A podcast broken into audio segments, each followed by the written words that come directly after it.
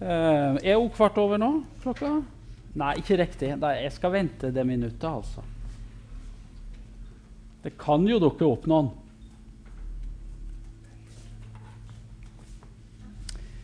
Først Jeg kan jo ta den først.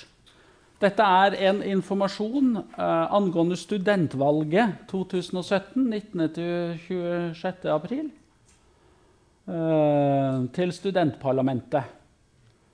Eh, bruk stemmeretten, er det noe som heter. Det er viktig, det. Og her kan man da på, på den nettsida der spuio.no, valg, kan man lese mer om de som stiller til valg. Så kan man også stemme da, elektronisk. Så hermed er den informasjonen eh, gitt. Bruk stemmeretten. Stem ved studentparlamentsvalget. Vi skal stemme på rektorvalg, og vi har tida fram til midnatt, så jeg må huske å få stemt. Så jeg, jeg må også stemme. Fint. Da har vi eh, minna hverandre om det. Så skal jeg gå i gang med det som er dagens tekst. Jeg får ta etter, etter, pausen så får vi snakke om å ta igjen den timen som ble avlyst forrige gang, altså 5. april. Jeg håpa ikke det var noen som kom hit forgjeves. For det var i hvert fall lagt ut informasjon om det. Så. Men, så det betyr at uh, vi er én gang på etterskudd. Og jeg skal nå snakke om møtet med det moderne. Uh, og det vil jo Det vil jo være tida altså Når er det moderne, liksom? Altså Den vanlige måten å si det på eh, det er at det moderne det liksom bryter for alvor fram på 1800-tallet. Men for at vi skal få med oss det som skjer der, så må vi si noe om tida før det òg. Så det skal jeg prøve også å gjøre. Men eh, det moderne, det Ja, eller hva skal vi si? Den franske revolusjon, opplysningen, blir eh, svært ofte eh, identifisert som begynnelsen av det moderne. Men det er ulike oppfatninger av det og ulike syn på det. Men, eh, men vi, vi, vi, holder oss til det, altså det, det moderne. Men vi, vi, tar, tar litt, vi tar noen litt drag tilbake til historia for å på en måte hente den med. Vi er i det allmenne. altså Forrige gang så snakka vi mye om Danmark og Norge. Eh, nå er vi mer i det allmenne. Så det er temaet i dag. Eh, og overskrifta har jeg satt på det her konfesjonalisering. Eh, vi er altså i tida etter eh, reformasjonen. Etter eh, den katolske reform. Um, som vi husker, Trienkonsilet var slutt i 1563. Og resultatet av reformasjonen var jo at eh, det middelalderske corpus christianum, altså begrepet kristenheten, som på en måte én, men den var jo ikke én, da. Ikke For den var jo delt i det østlige ikke sant? og det vestlige. Det er jo viktig å si. Men likevel, man snakket om kristenheten. Corpus Christianum. Dette kløyves nå. Altså vestlig kristendom kløyves, splittes, i konfesjoner, i forskjellige konfesjoner eller trossamfunn. Eh, identifisert gjennom særskilte bekjennelser knytta til eh, da, den kristne tro. De forskjellige konfesjonene hadde sine hovedbekjennelser som på en måte markerte der, der, deres teologiske, kristne, religiøse særpreg. Eh, og vi får altså denne splittelsen i de tre hovedkonfesjonene som det det er viktig å, å, å, merke seg ved. ikke sant? Romersk katolisisme, lutherdom eller lutheranisme og reformert protestantisme. ikke sant? Det er de tre. Og så skjer det en konsolidering og en institusjonering, eh, institusjonering av deres forståelse av evangeliet. Altså de forskjellige konfesjonene konsoliderer seg og institusjonaliserer seg. Og det skjer altså i tiden etter Trienkonsilet og utover, videre utover på 1600-tallet. Og den prosessen på en måte som dette handler om, det er det vi gjerne kaller for konfesjonalisering. Jeg regner med at Sivert kanskje har snakka om dette? Har han det? Ja. Så dette er bare på en måte for å dra det med oss eh, videre inn i, i, i, det, i, den nyere tid. Eh, og religionens rolle eh, blir jo da ikke sant, Vi får jo Eh, vi får en, altså Konfesjonaliseringa innebærer jo også at vi får konfesjonelle stater. Altså stater som har bestemte eh, eh, konfesjoner. Konfesjonelle bindinger. Eh, og religionen får innenfor den konfesjonelle staten eh, en klar sånn disiplinerende funksjon. Eh, vi ser det veldig tydelig innenfor protestantismen, hvor f.eks. prestene integreres i det statlige byråkratiet som administratorer av kirken.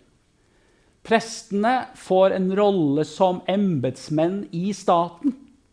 Og En lignende rolle ser vi faktisk også innenfor eh, katolisismen. Og det som da er situasjonen, det er at kirkene har en viktig rolle i sosial disiplinering av innbyggerne. Religion kan fungere som det.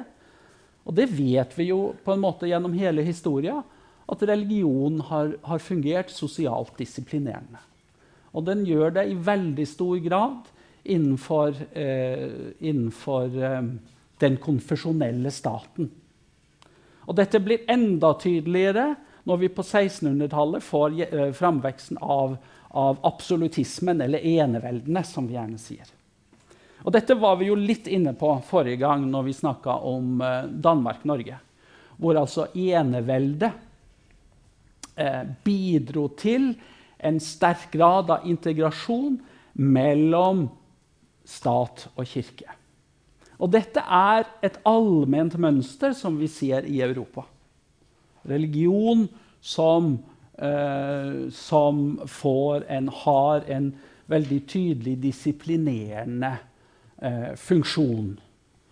Eh, vi får det også gjennom begrepet protestantisk etikk. Det er jo sosiologen Max Weber sitt begrep, men som nettopp understreker den disiplinerende rollen som religionen, i dette tilfellet protestantismen, og for Max Weber kanskje særlig, han bruker det jo særlig knytta til kalvinismen, som en viktig katalysator egentlig for frambruddet av kapitalismen. Det er jo Max Weber sin teori.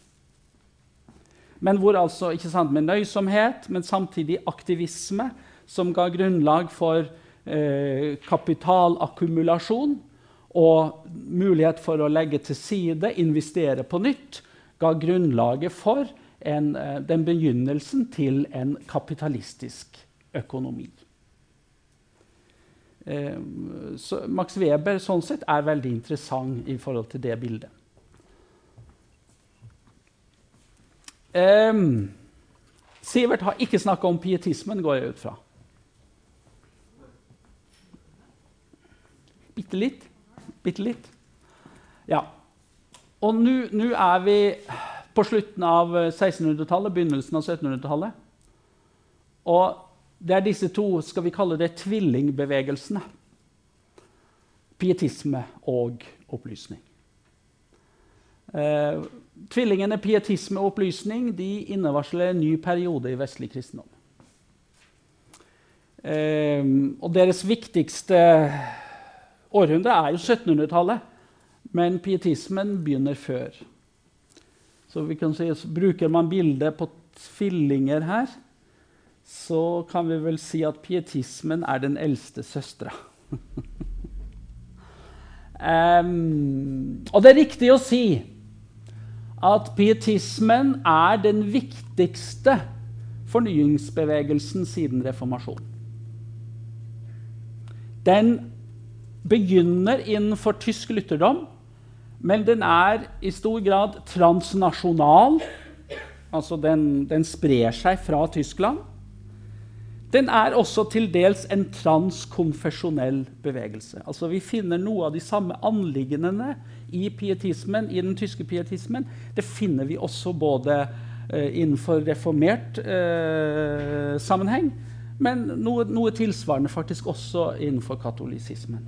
Men kanskje uten at man kaller det direkte pietisme på den måten, så er, er det likevel noe av det, noe av det, samme som ligger til grunn. Eh,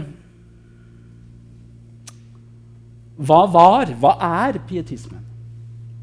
Hva, hva forbinder dere med pietisme når dere hører ordet pietisme? Strenghet. Gudfryktighet. Det er et viktig ord. Gudfryktighet. Til og med ei bok som heter det. 'Sannhet til gudfryktighet'. Og Det er ei typisk pietistisk bok. Ja. Er det flere ting dere forbinder med uh, Jeg på å si gudfryktighet, men pietisme? Ja, mye vekkelsesgreier i pietismen. Ja, Det er helt riktig. Så der har vi noe. Altså På en måte kan man si at pietismen representerer en form for reaksjon mot vanekristendom og ortodoksi. Så I pietismen så ligger det et anliggende om at en vil fornye og intensivere det religiøse livet.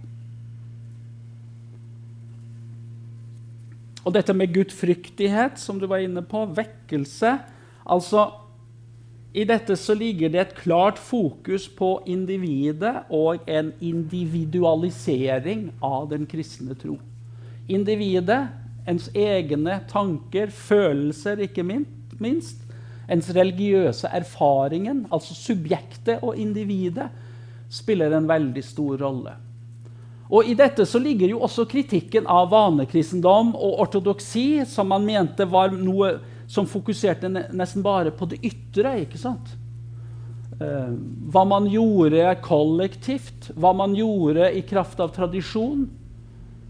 Det var man kritisk til, fordi at det pietistene mente var viktigst av alt, det var at en selv med sin egen person og med sin egen identitet, så å si, kunne stå inne for kristendommen. Hadde tilegna den sånn personlig, for å si det sånn. Og egentlig, det, det, det, det som er litt sånn, eller har vært, vært for et sånn veldig typisk norsk begrep, personlig kristen, det, har sin bakgrunn fra den pietistiske bevegelsen. Dere kjenner begrepet 'personlig kristen'? så er det jo noen gluppinger som spør går det an å være upersonlig kristen.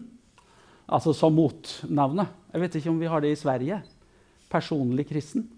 Nei, Nei jeg tror det er ganske særnorsk. Uh, men det, det, det, går på akkurat dette med at altså, det er noe du står inne for selv.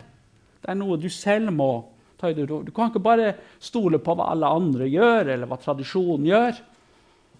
Nei, du må stå inne for det selv. Um, det er også viktig å si at pietismen er en bibelbevegelse, hvis dere for, forstår den betegnelsen. Det vil si man har et veldig fokus på Bibelen, på bibelstudium. Og som følge av det en helliggjørelse. At man, og, og, og mange, altså De vekkelsesbevegelsene som etter hvert oppsto i kjølvannet av pietismen, Eh, ble jo ofte kalt for lesere. Altså De som slutta seg til vekkelsen, ble ofte kalt for lesere, eller leseriet. Det, man, eh, det kjenner man særlig fra svensk kirkehistorie.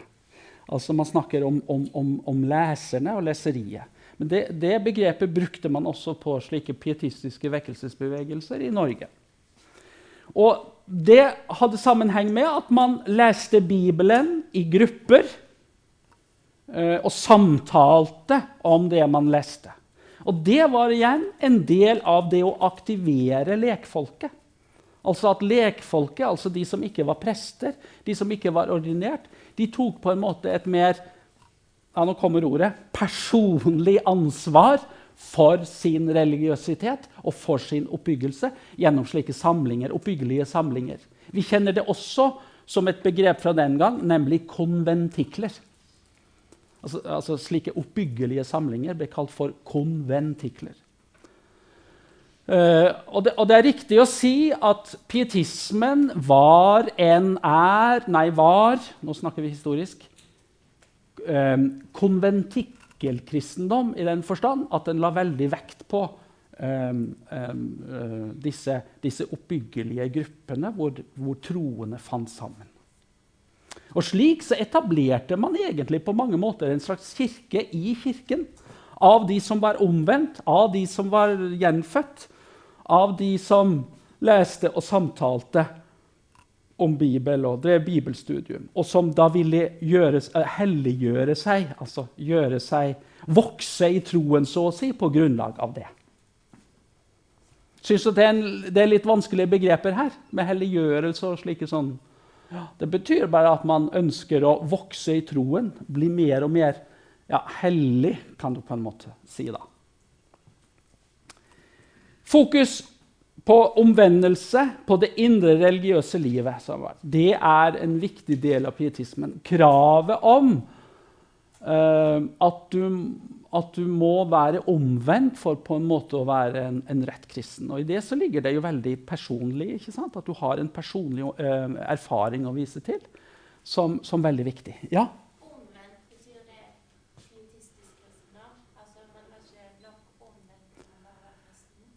Ja, altså, og, altså, Her legger de vekt på er du omvendt. Altså, Kan du på en måte datere til et bestemt gjennombrudd da du ble en kristen?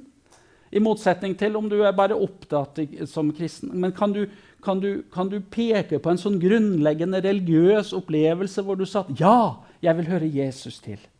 Altså Det er omvendelse. Ja.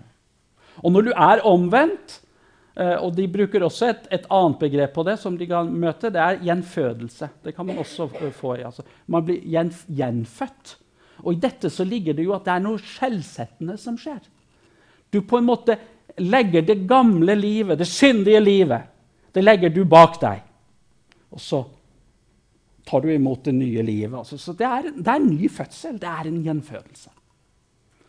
Og, og, og pietistisk vekkelseskristendom, pietistisk vekkelsesforkynnelse, har snakka om dette. Er du, er du, gjenfødt? Er du omvendt?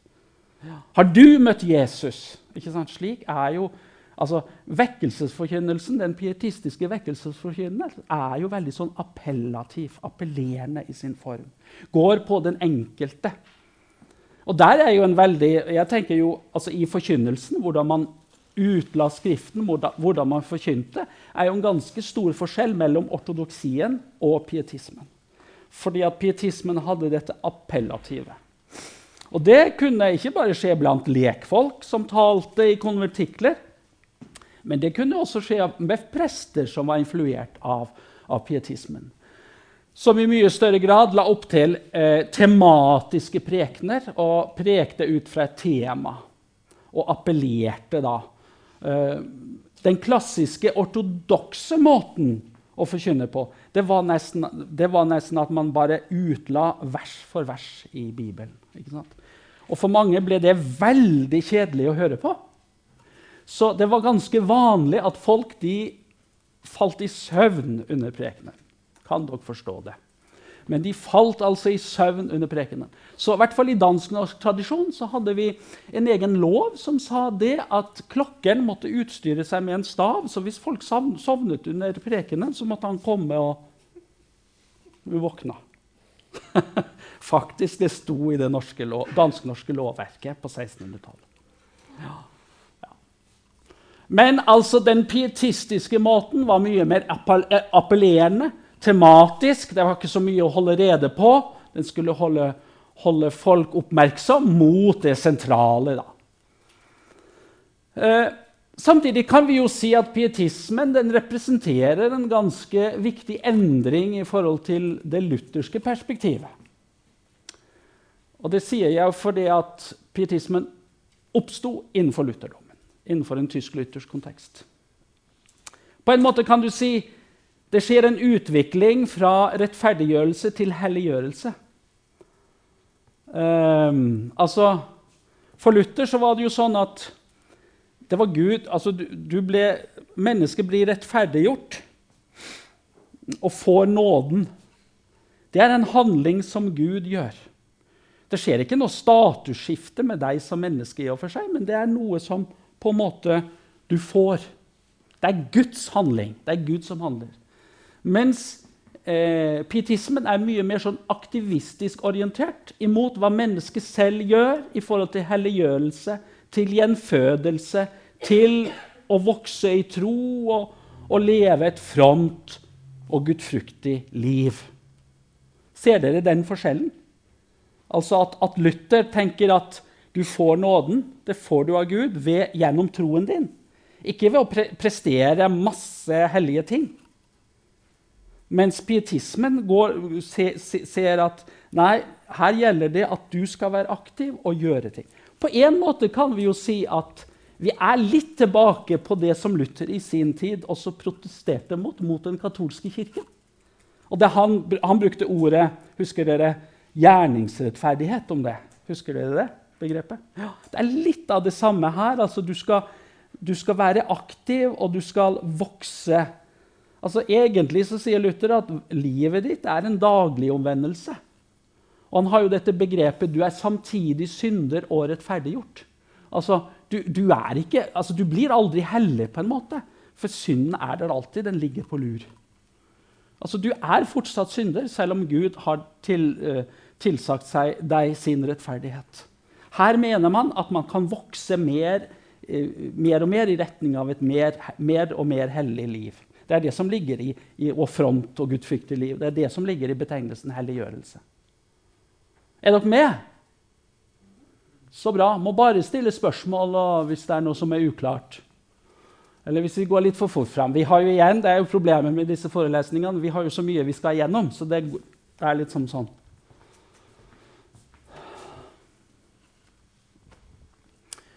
Eh, nå jeg snakka generelt om, om, om pietismen. Eh, pietismens far blir gjerne sagt å være Philip Jakob Spener. Og vi snakker da om den spenerske pietismen. Og Den vokser altså frem, frem helt på slutten av 1600-tallet.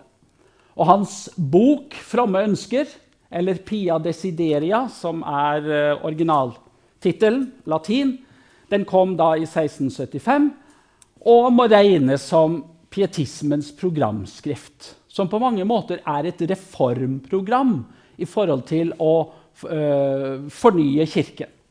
Man tenker man skal fornye Kirken og derved fornye samfunnet. Altså, på mange måter er det riktig å si at pietismen forstår seg selv som en reformbevegelse. En kirkelig reformbevegelse. Uh, og så har man fokus på en del ting. Misjon det var vi jo inne på når vi snakket om pietismen i Norge. Den er ganske typisk også i forhold til det som ligger i det spenerske programmet. Se på misjonsmuligheter. Selv var Spener, som var prest i, eh, i, eh, i Frankfurt, han var veldig opptatt av jødemisjonen. Han var veldig opptatt av å misjonere blant jødene. Eh, kritisk til vanekristendom, som jeg sa. Fokus på lesning, oppbyggelige samlinger, diskusjon av Bibelen. I det hele tatt så ligger det, og, og, og selv om en del ting kunne, kunne, sies å føre litt bort fra det som var Luthers anliggende, så mente pietistene selv at de ville en fornyelse av det man oppfattet som et svært viktig anliggende hos Luther, nemlig det allmenne prestedømmet. Hva var det allmenne prestedømmet, dere? Bare for å repetere det. Hva, hva, hva ligger i det lutherske allmenne prestedømmet? Det noe forslag?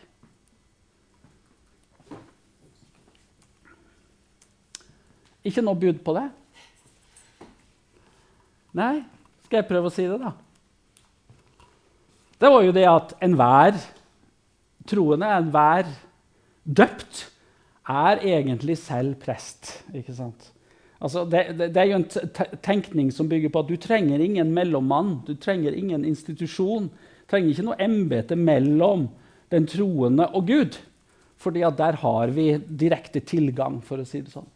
Altså, Enhver troende er en prest fordi man, kan, man, har direkte tilgang til Gud, til Skriften. ikke sant? Man kan lese i Skriften selv, man kan be til Gud. Man trenger ikke presten som mellommann. Og det, det fører jo også til hel, en helt annen forståelse av hva embetet er. Uh, men la nå det være.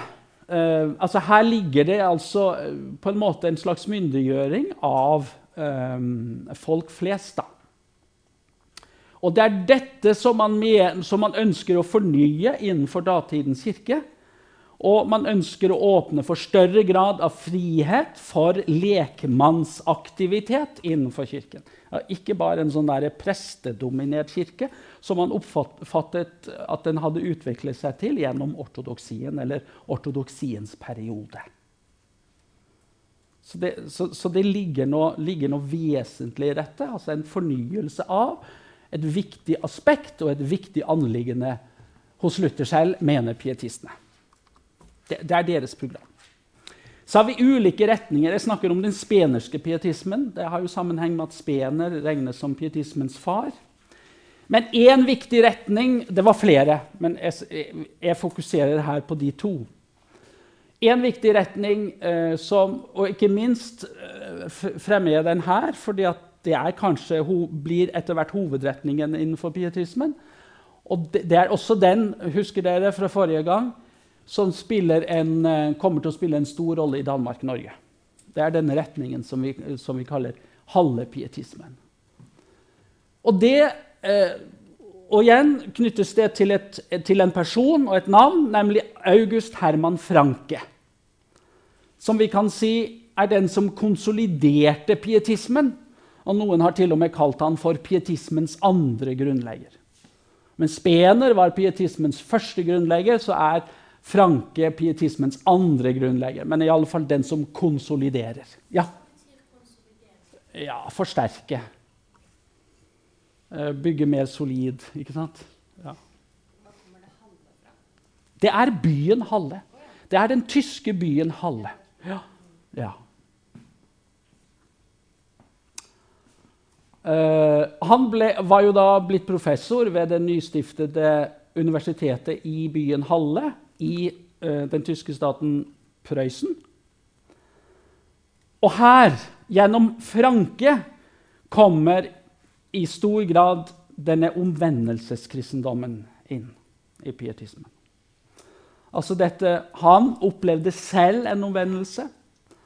Og han la også vekt på at pietismen eh, var, skulle være en omvendelseskristendom. Og slik ble det jo. Og, og, og, og Franke kunne selv tidfeste sin, sin, omvendelse. Det skjedde da og da, klokka det og det. Da ble jeg omvendt. Ja. Altså, så det var, det var en sånn konkret opplevelse. Og da, ut fra dette så ble det et slags ideal om hva det vil si å være kristen. Å være en kristen innebar at du måtte kunne vise til en, en eller annen form for uh, omvendelsesopplevelse i stor grad. Ja?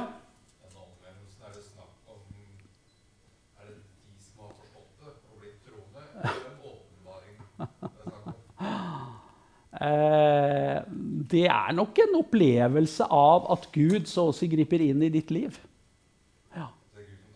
Ja, ja, og, og, det er, og det er uh, i form av en åpenbaring eller noe konkret. Men det trenger ikke å være så ekstraordinært heller. Hans Nilsen Haugen, eksempel, på, på åkeren i Tune i Østfold. Han hørte jo at det han oppfattet som Gud, talte til ham.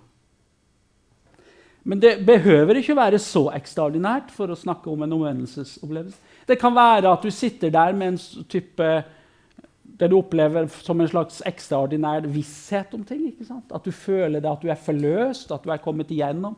Kanskje har du gått i en lang tvils- og, grubleperiode, og så får du en klarhet, en visshet. Ja, ja, ja. ja, ja, ja. Men altså, begge deler kan kan gå under en betegnelses, en omvendelsesopplevelse eller hendelse. Ja. Så, så, så det, er, det, er, nok noen ulike grader av dette, selvfølgelig. Ja. Men ikke, ikke, alle kunne selvfølgelig redegjøre for at jeg hadde, hatt et syn eller hørt en stemme. Det, så, så, er det ikke. Men, ja. Så det er ulike grader av dette. Det er riktig å si. Ja.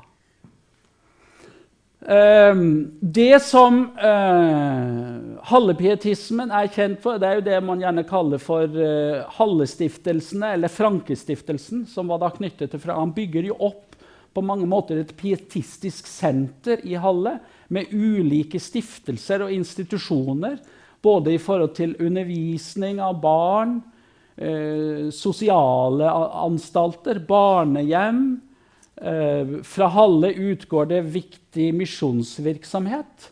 Jeg tror jeg snakket om det sist også. altså at eh, Det pietistiske misjonsinitiativet fra Halle ble jo ganske viktig i Danmark-Norge. Så det slik at det reiste jo ut Halle-misjonærer eh, f.eks.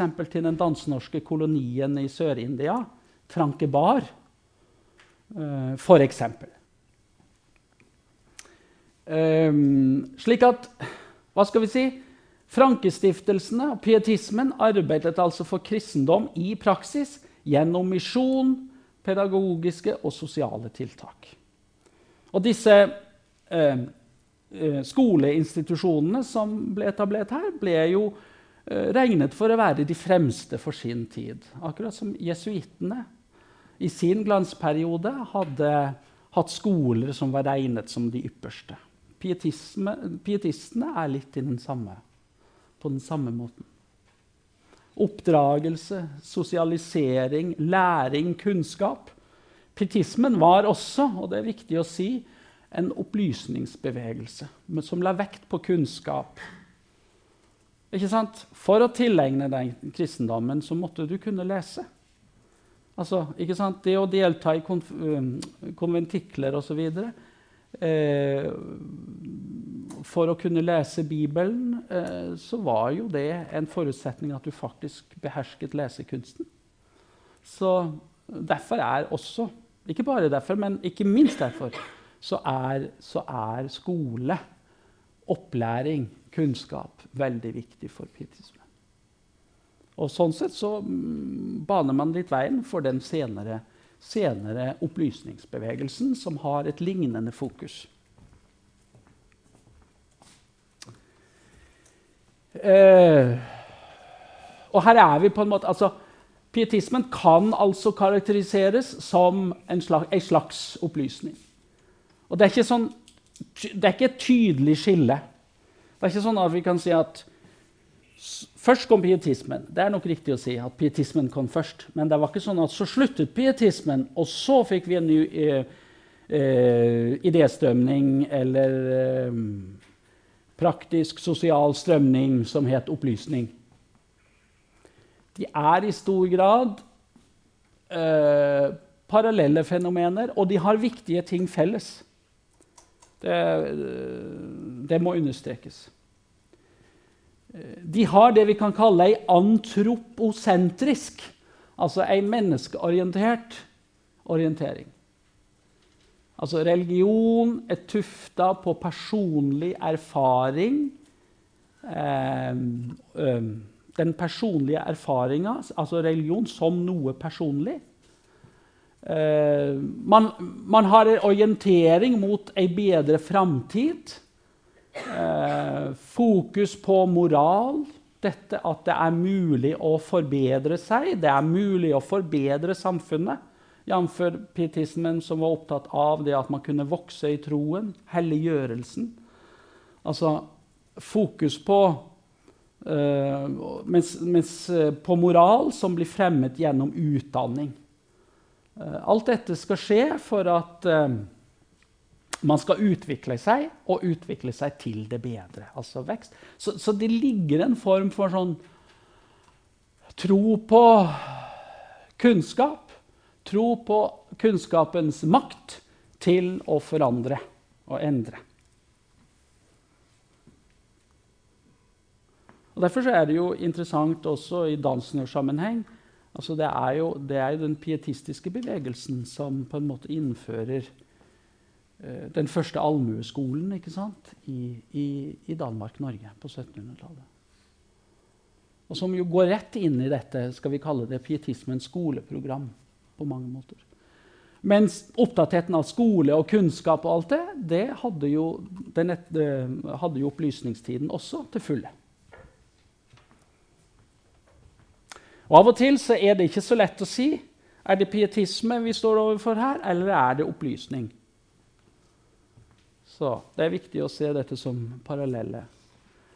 Men hva skal vi si, for enkelhets skyld i sånne type lærebokframstillinger og i forelesninger som dette, så har vi jo en tendens til å måtte forenkle og kategorisere for at vi skal få bedre oversikt og alt det der. Så Derfor så snakker man gjerne om pietismen og opplysninga som atskilte fenomener. Men det er viktig å si at de løper over i hverandre. Det men det håper jeg jeg har fått fram. Opplysninga hadde ei optimistisk orientering mot fremtida gjennom trua på ei kontinuerlig forbedring. Akkurat som pietismen hadde det, særlig i forhold til å vokse og utvikle seg i troen. Det var først og fremst det fokuset. Her blir det litt mer allment i forhold til hele samfunnet. Og middelet til forbedring til forandring. Det var kunnskap. Det var opplysning. Det var utdanning. Um, og disse prestene som da ofte sto i spissen for dette, de ble jo kalt enten opplysningsprester, eller i Norge så fikk de et særlig ord, nemlig som dere sikkert husker, potetprester. Husker dere for, hvorfor de ble kalt for potetprester i Norge?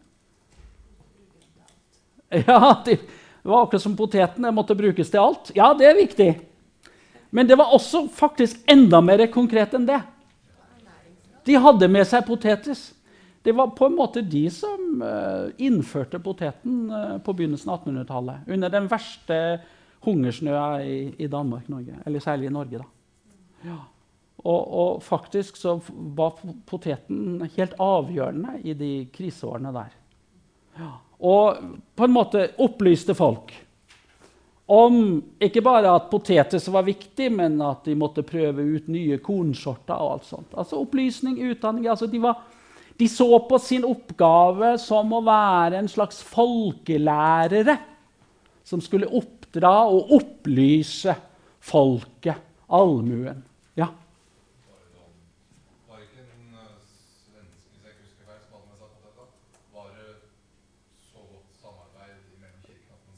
Ja, altså Han spredde det rundt. Så tok de det opp. ikke sant? De leste og holdt seg orientert. ikke sant? Og så, ja, og så spredte de det ut til sine menigheter. Var, altså, hvis man tenker på samfunnet da, så var det jo sånn at Kirken var jo den, egen, den eneste institusjonen som på en måte hadde avleggere ute i hele delen av landet.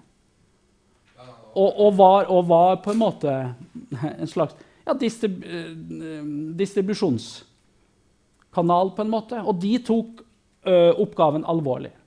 De gjennomførte også eh, prøver og så videre med koppevaksine. Omtrent samme tid. ikke sant? Koppeepidemier. ikke sant? Og, da, og, de var interessert i det. Altså De første egentlig Bare for å ta det eksempelet Jeg husker ikke om jeg sa, sa det først. men eh, Det første sykehuset i Nord-Norge eh, det var det en prest som sto for. Han, han, eh, han, anla sykehus i prestegården sin etter at han flytta til Bodø. Han var egentlig fra Lofoten, men etter at han flytta til Bodø, så anla han så, For det var en sånn stor, fin prestegård i Bodø. Eller Bodin, som det heter. Uh, og, og, han anla det der. Og for han hadde nemlig, som var jo ganske typisk for disse opplysningsfolkene, de, de, de nøyde seg ikke bare å studere teologi og religion og sånn. De var opptatt i alle håndevitenskaper og holdt seg oppdatert. Og dette var jo lenge før vitenskapen ble så enormt spesifisert. Så du kunne være litt oppdatert i forskjellige vitenskaper. Og mange av dem var veldig orientert rundt naturvitenskap og medisin. Så, så denne første sykehussjefen i, i Nordland han hadde, studert, han hadde fulgt forelesninger på Universitetet i København, også i medisin. Og det var ganske typisk for disse folkene at de orienterte seg på ulike områder.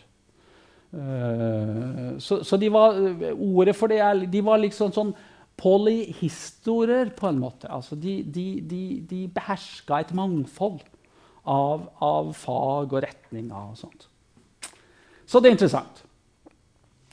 Eh, opplysninger opplysning altså Det ligger jo ikke sant, i det, altså sant, det, det som er fornuftsorientert. Den menneskelige fornuften var målestokken for alle ting, også religion. Og I dette så lå det en, en, en, en oppfatning, en tenkning om at religionen måtte tilpasses fornuften. Eh, ikke sant? Eh, det, altså, en tenkning om at eh, fornuften hadde, hadde forrang.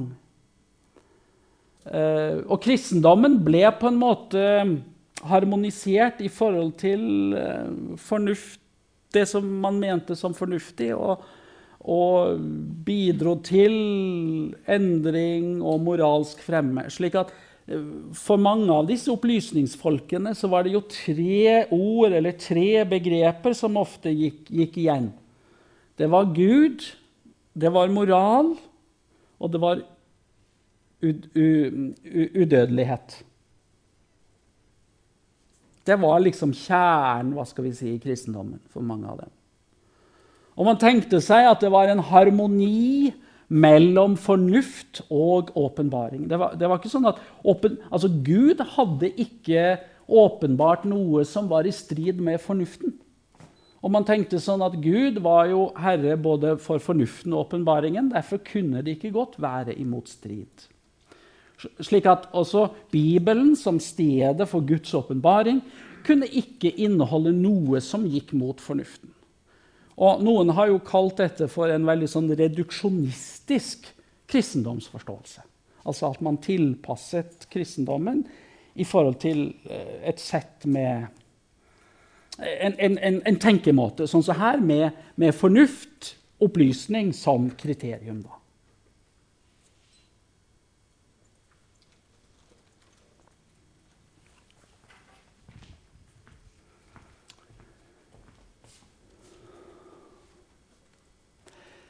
og for svært mange opplysningsfolk så var kristendom ensbetydende med moral.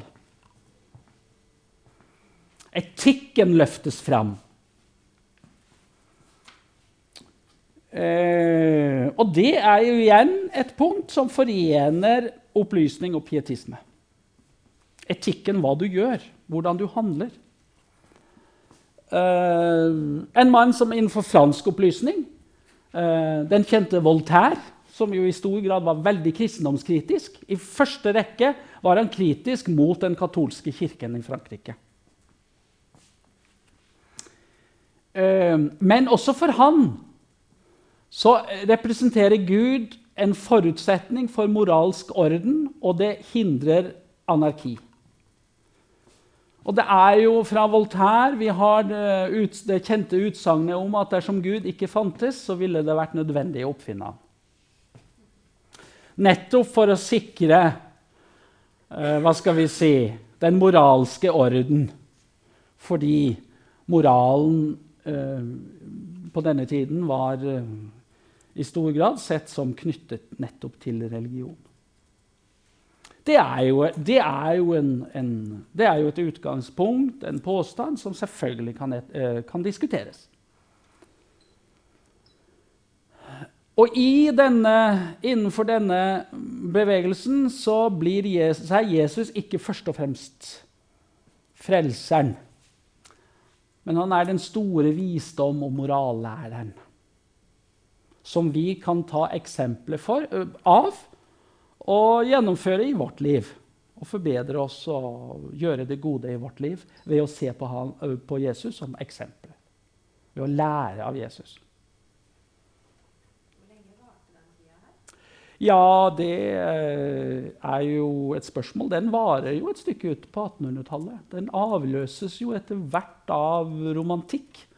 Som igjen er en reaksjon igjen, mot det man gjerne opplever som en litt sånn opplysningas uh, snusfornuft og litt sånn tørrhet og Ja, ikke sant? Ja, så det igjen Ja. ja.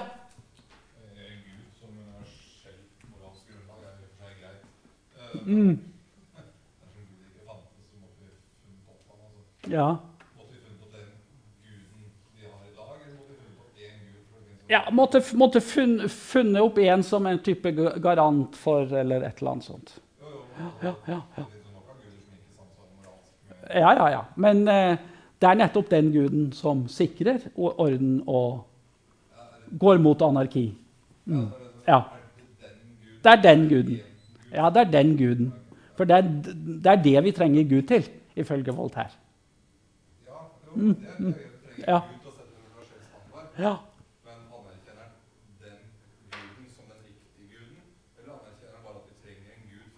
Nei, altså, nei, han, han, Det er jo litt vanskelig å si, men, for han var jo svært kritisk. Uh, selvfølgelig til Gud, og, og, uh, eller i hvert fall til måten, uh, måten den katolske kirke, kirke prakti, praktiserte på. Men det er jo den Gud som kan garantere denne ordenen. Altså Hvorvidt man personlig står inne for eller tror på, eller sånt, det er nok underordna for Voltaire.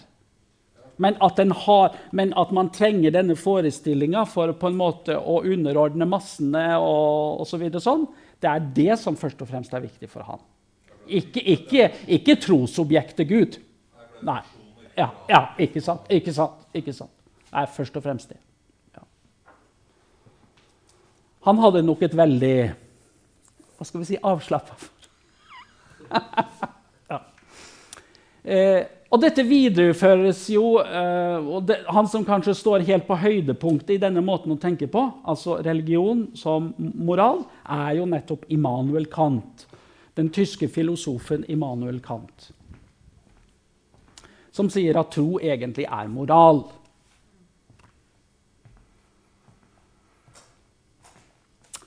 Um, men igjen kan vi si opplysninga, altså motsatt av reformasjonen istedenfor at Gud altså i, hos Luther stiger ned til mennesket og gir sin nåde, så skal mennesket stige opp til Guds påbud og forbedre seg og gå fremover i, i forhold til Guds påbud. Igjen dette med litt det mer sånn aktivistiske preget som vi også fant i pietismen. Så igjen disse sammenligningspunktene med pietismen tenker jeg er ganske interessante. Så var det også litt ulik altså Som vi var inne på, Voltaire Frank, eh, Opplysninga i Frankrike var nok i mye sterkere grad kristendoms- og kirkekritisk enn f.eks. i Tyskland. Hvor den var mye, mer, eh, mye, mindre kritisk mot kirke og stat. Eh, og det var først og fremst den tyskinspirerte opplysninga vi fikk i Danmark-Norge. Den var ikke så kritisk. Eh, hvis vi, hvis vi ser eh, på forholdet til opplysninga eh, eh, fra protestantismens side sammenligna med katolisismen, så er det nok riktig å si på en veldig sånn generell basis at protestantismen gjennomgående var mer positivt innstilt til opplysninga enn katolisismen. Og det ser vi jo veldig ikke minst i framveksten av den moderne vitenskap, da, som vi kommer tilbake til på 1800-tallet i stor grad. Hvor katolisismen i veldig stor grad forskanser seg. Den romersk-katolske kirke forskanser seg og går imot og sier at dette vil vi ikke forholde oss til, for det er, uh, det er den moderne vantro som vi ikke kan kjøpslå med. Mens pro, uh, protestantismen uh, forsøker mer å nærme seg det og være i dialog med det, hvis vi kan bruke det begrepet. Men nå ser jeg på klokka. Nå har jeg gått over tida. Sånn er det jo i godt selskap. Eh, men da tar vi pause, og så prøver vi å begynne på kvart over igjen.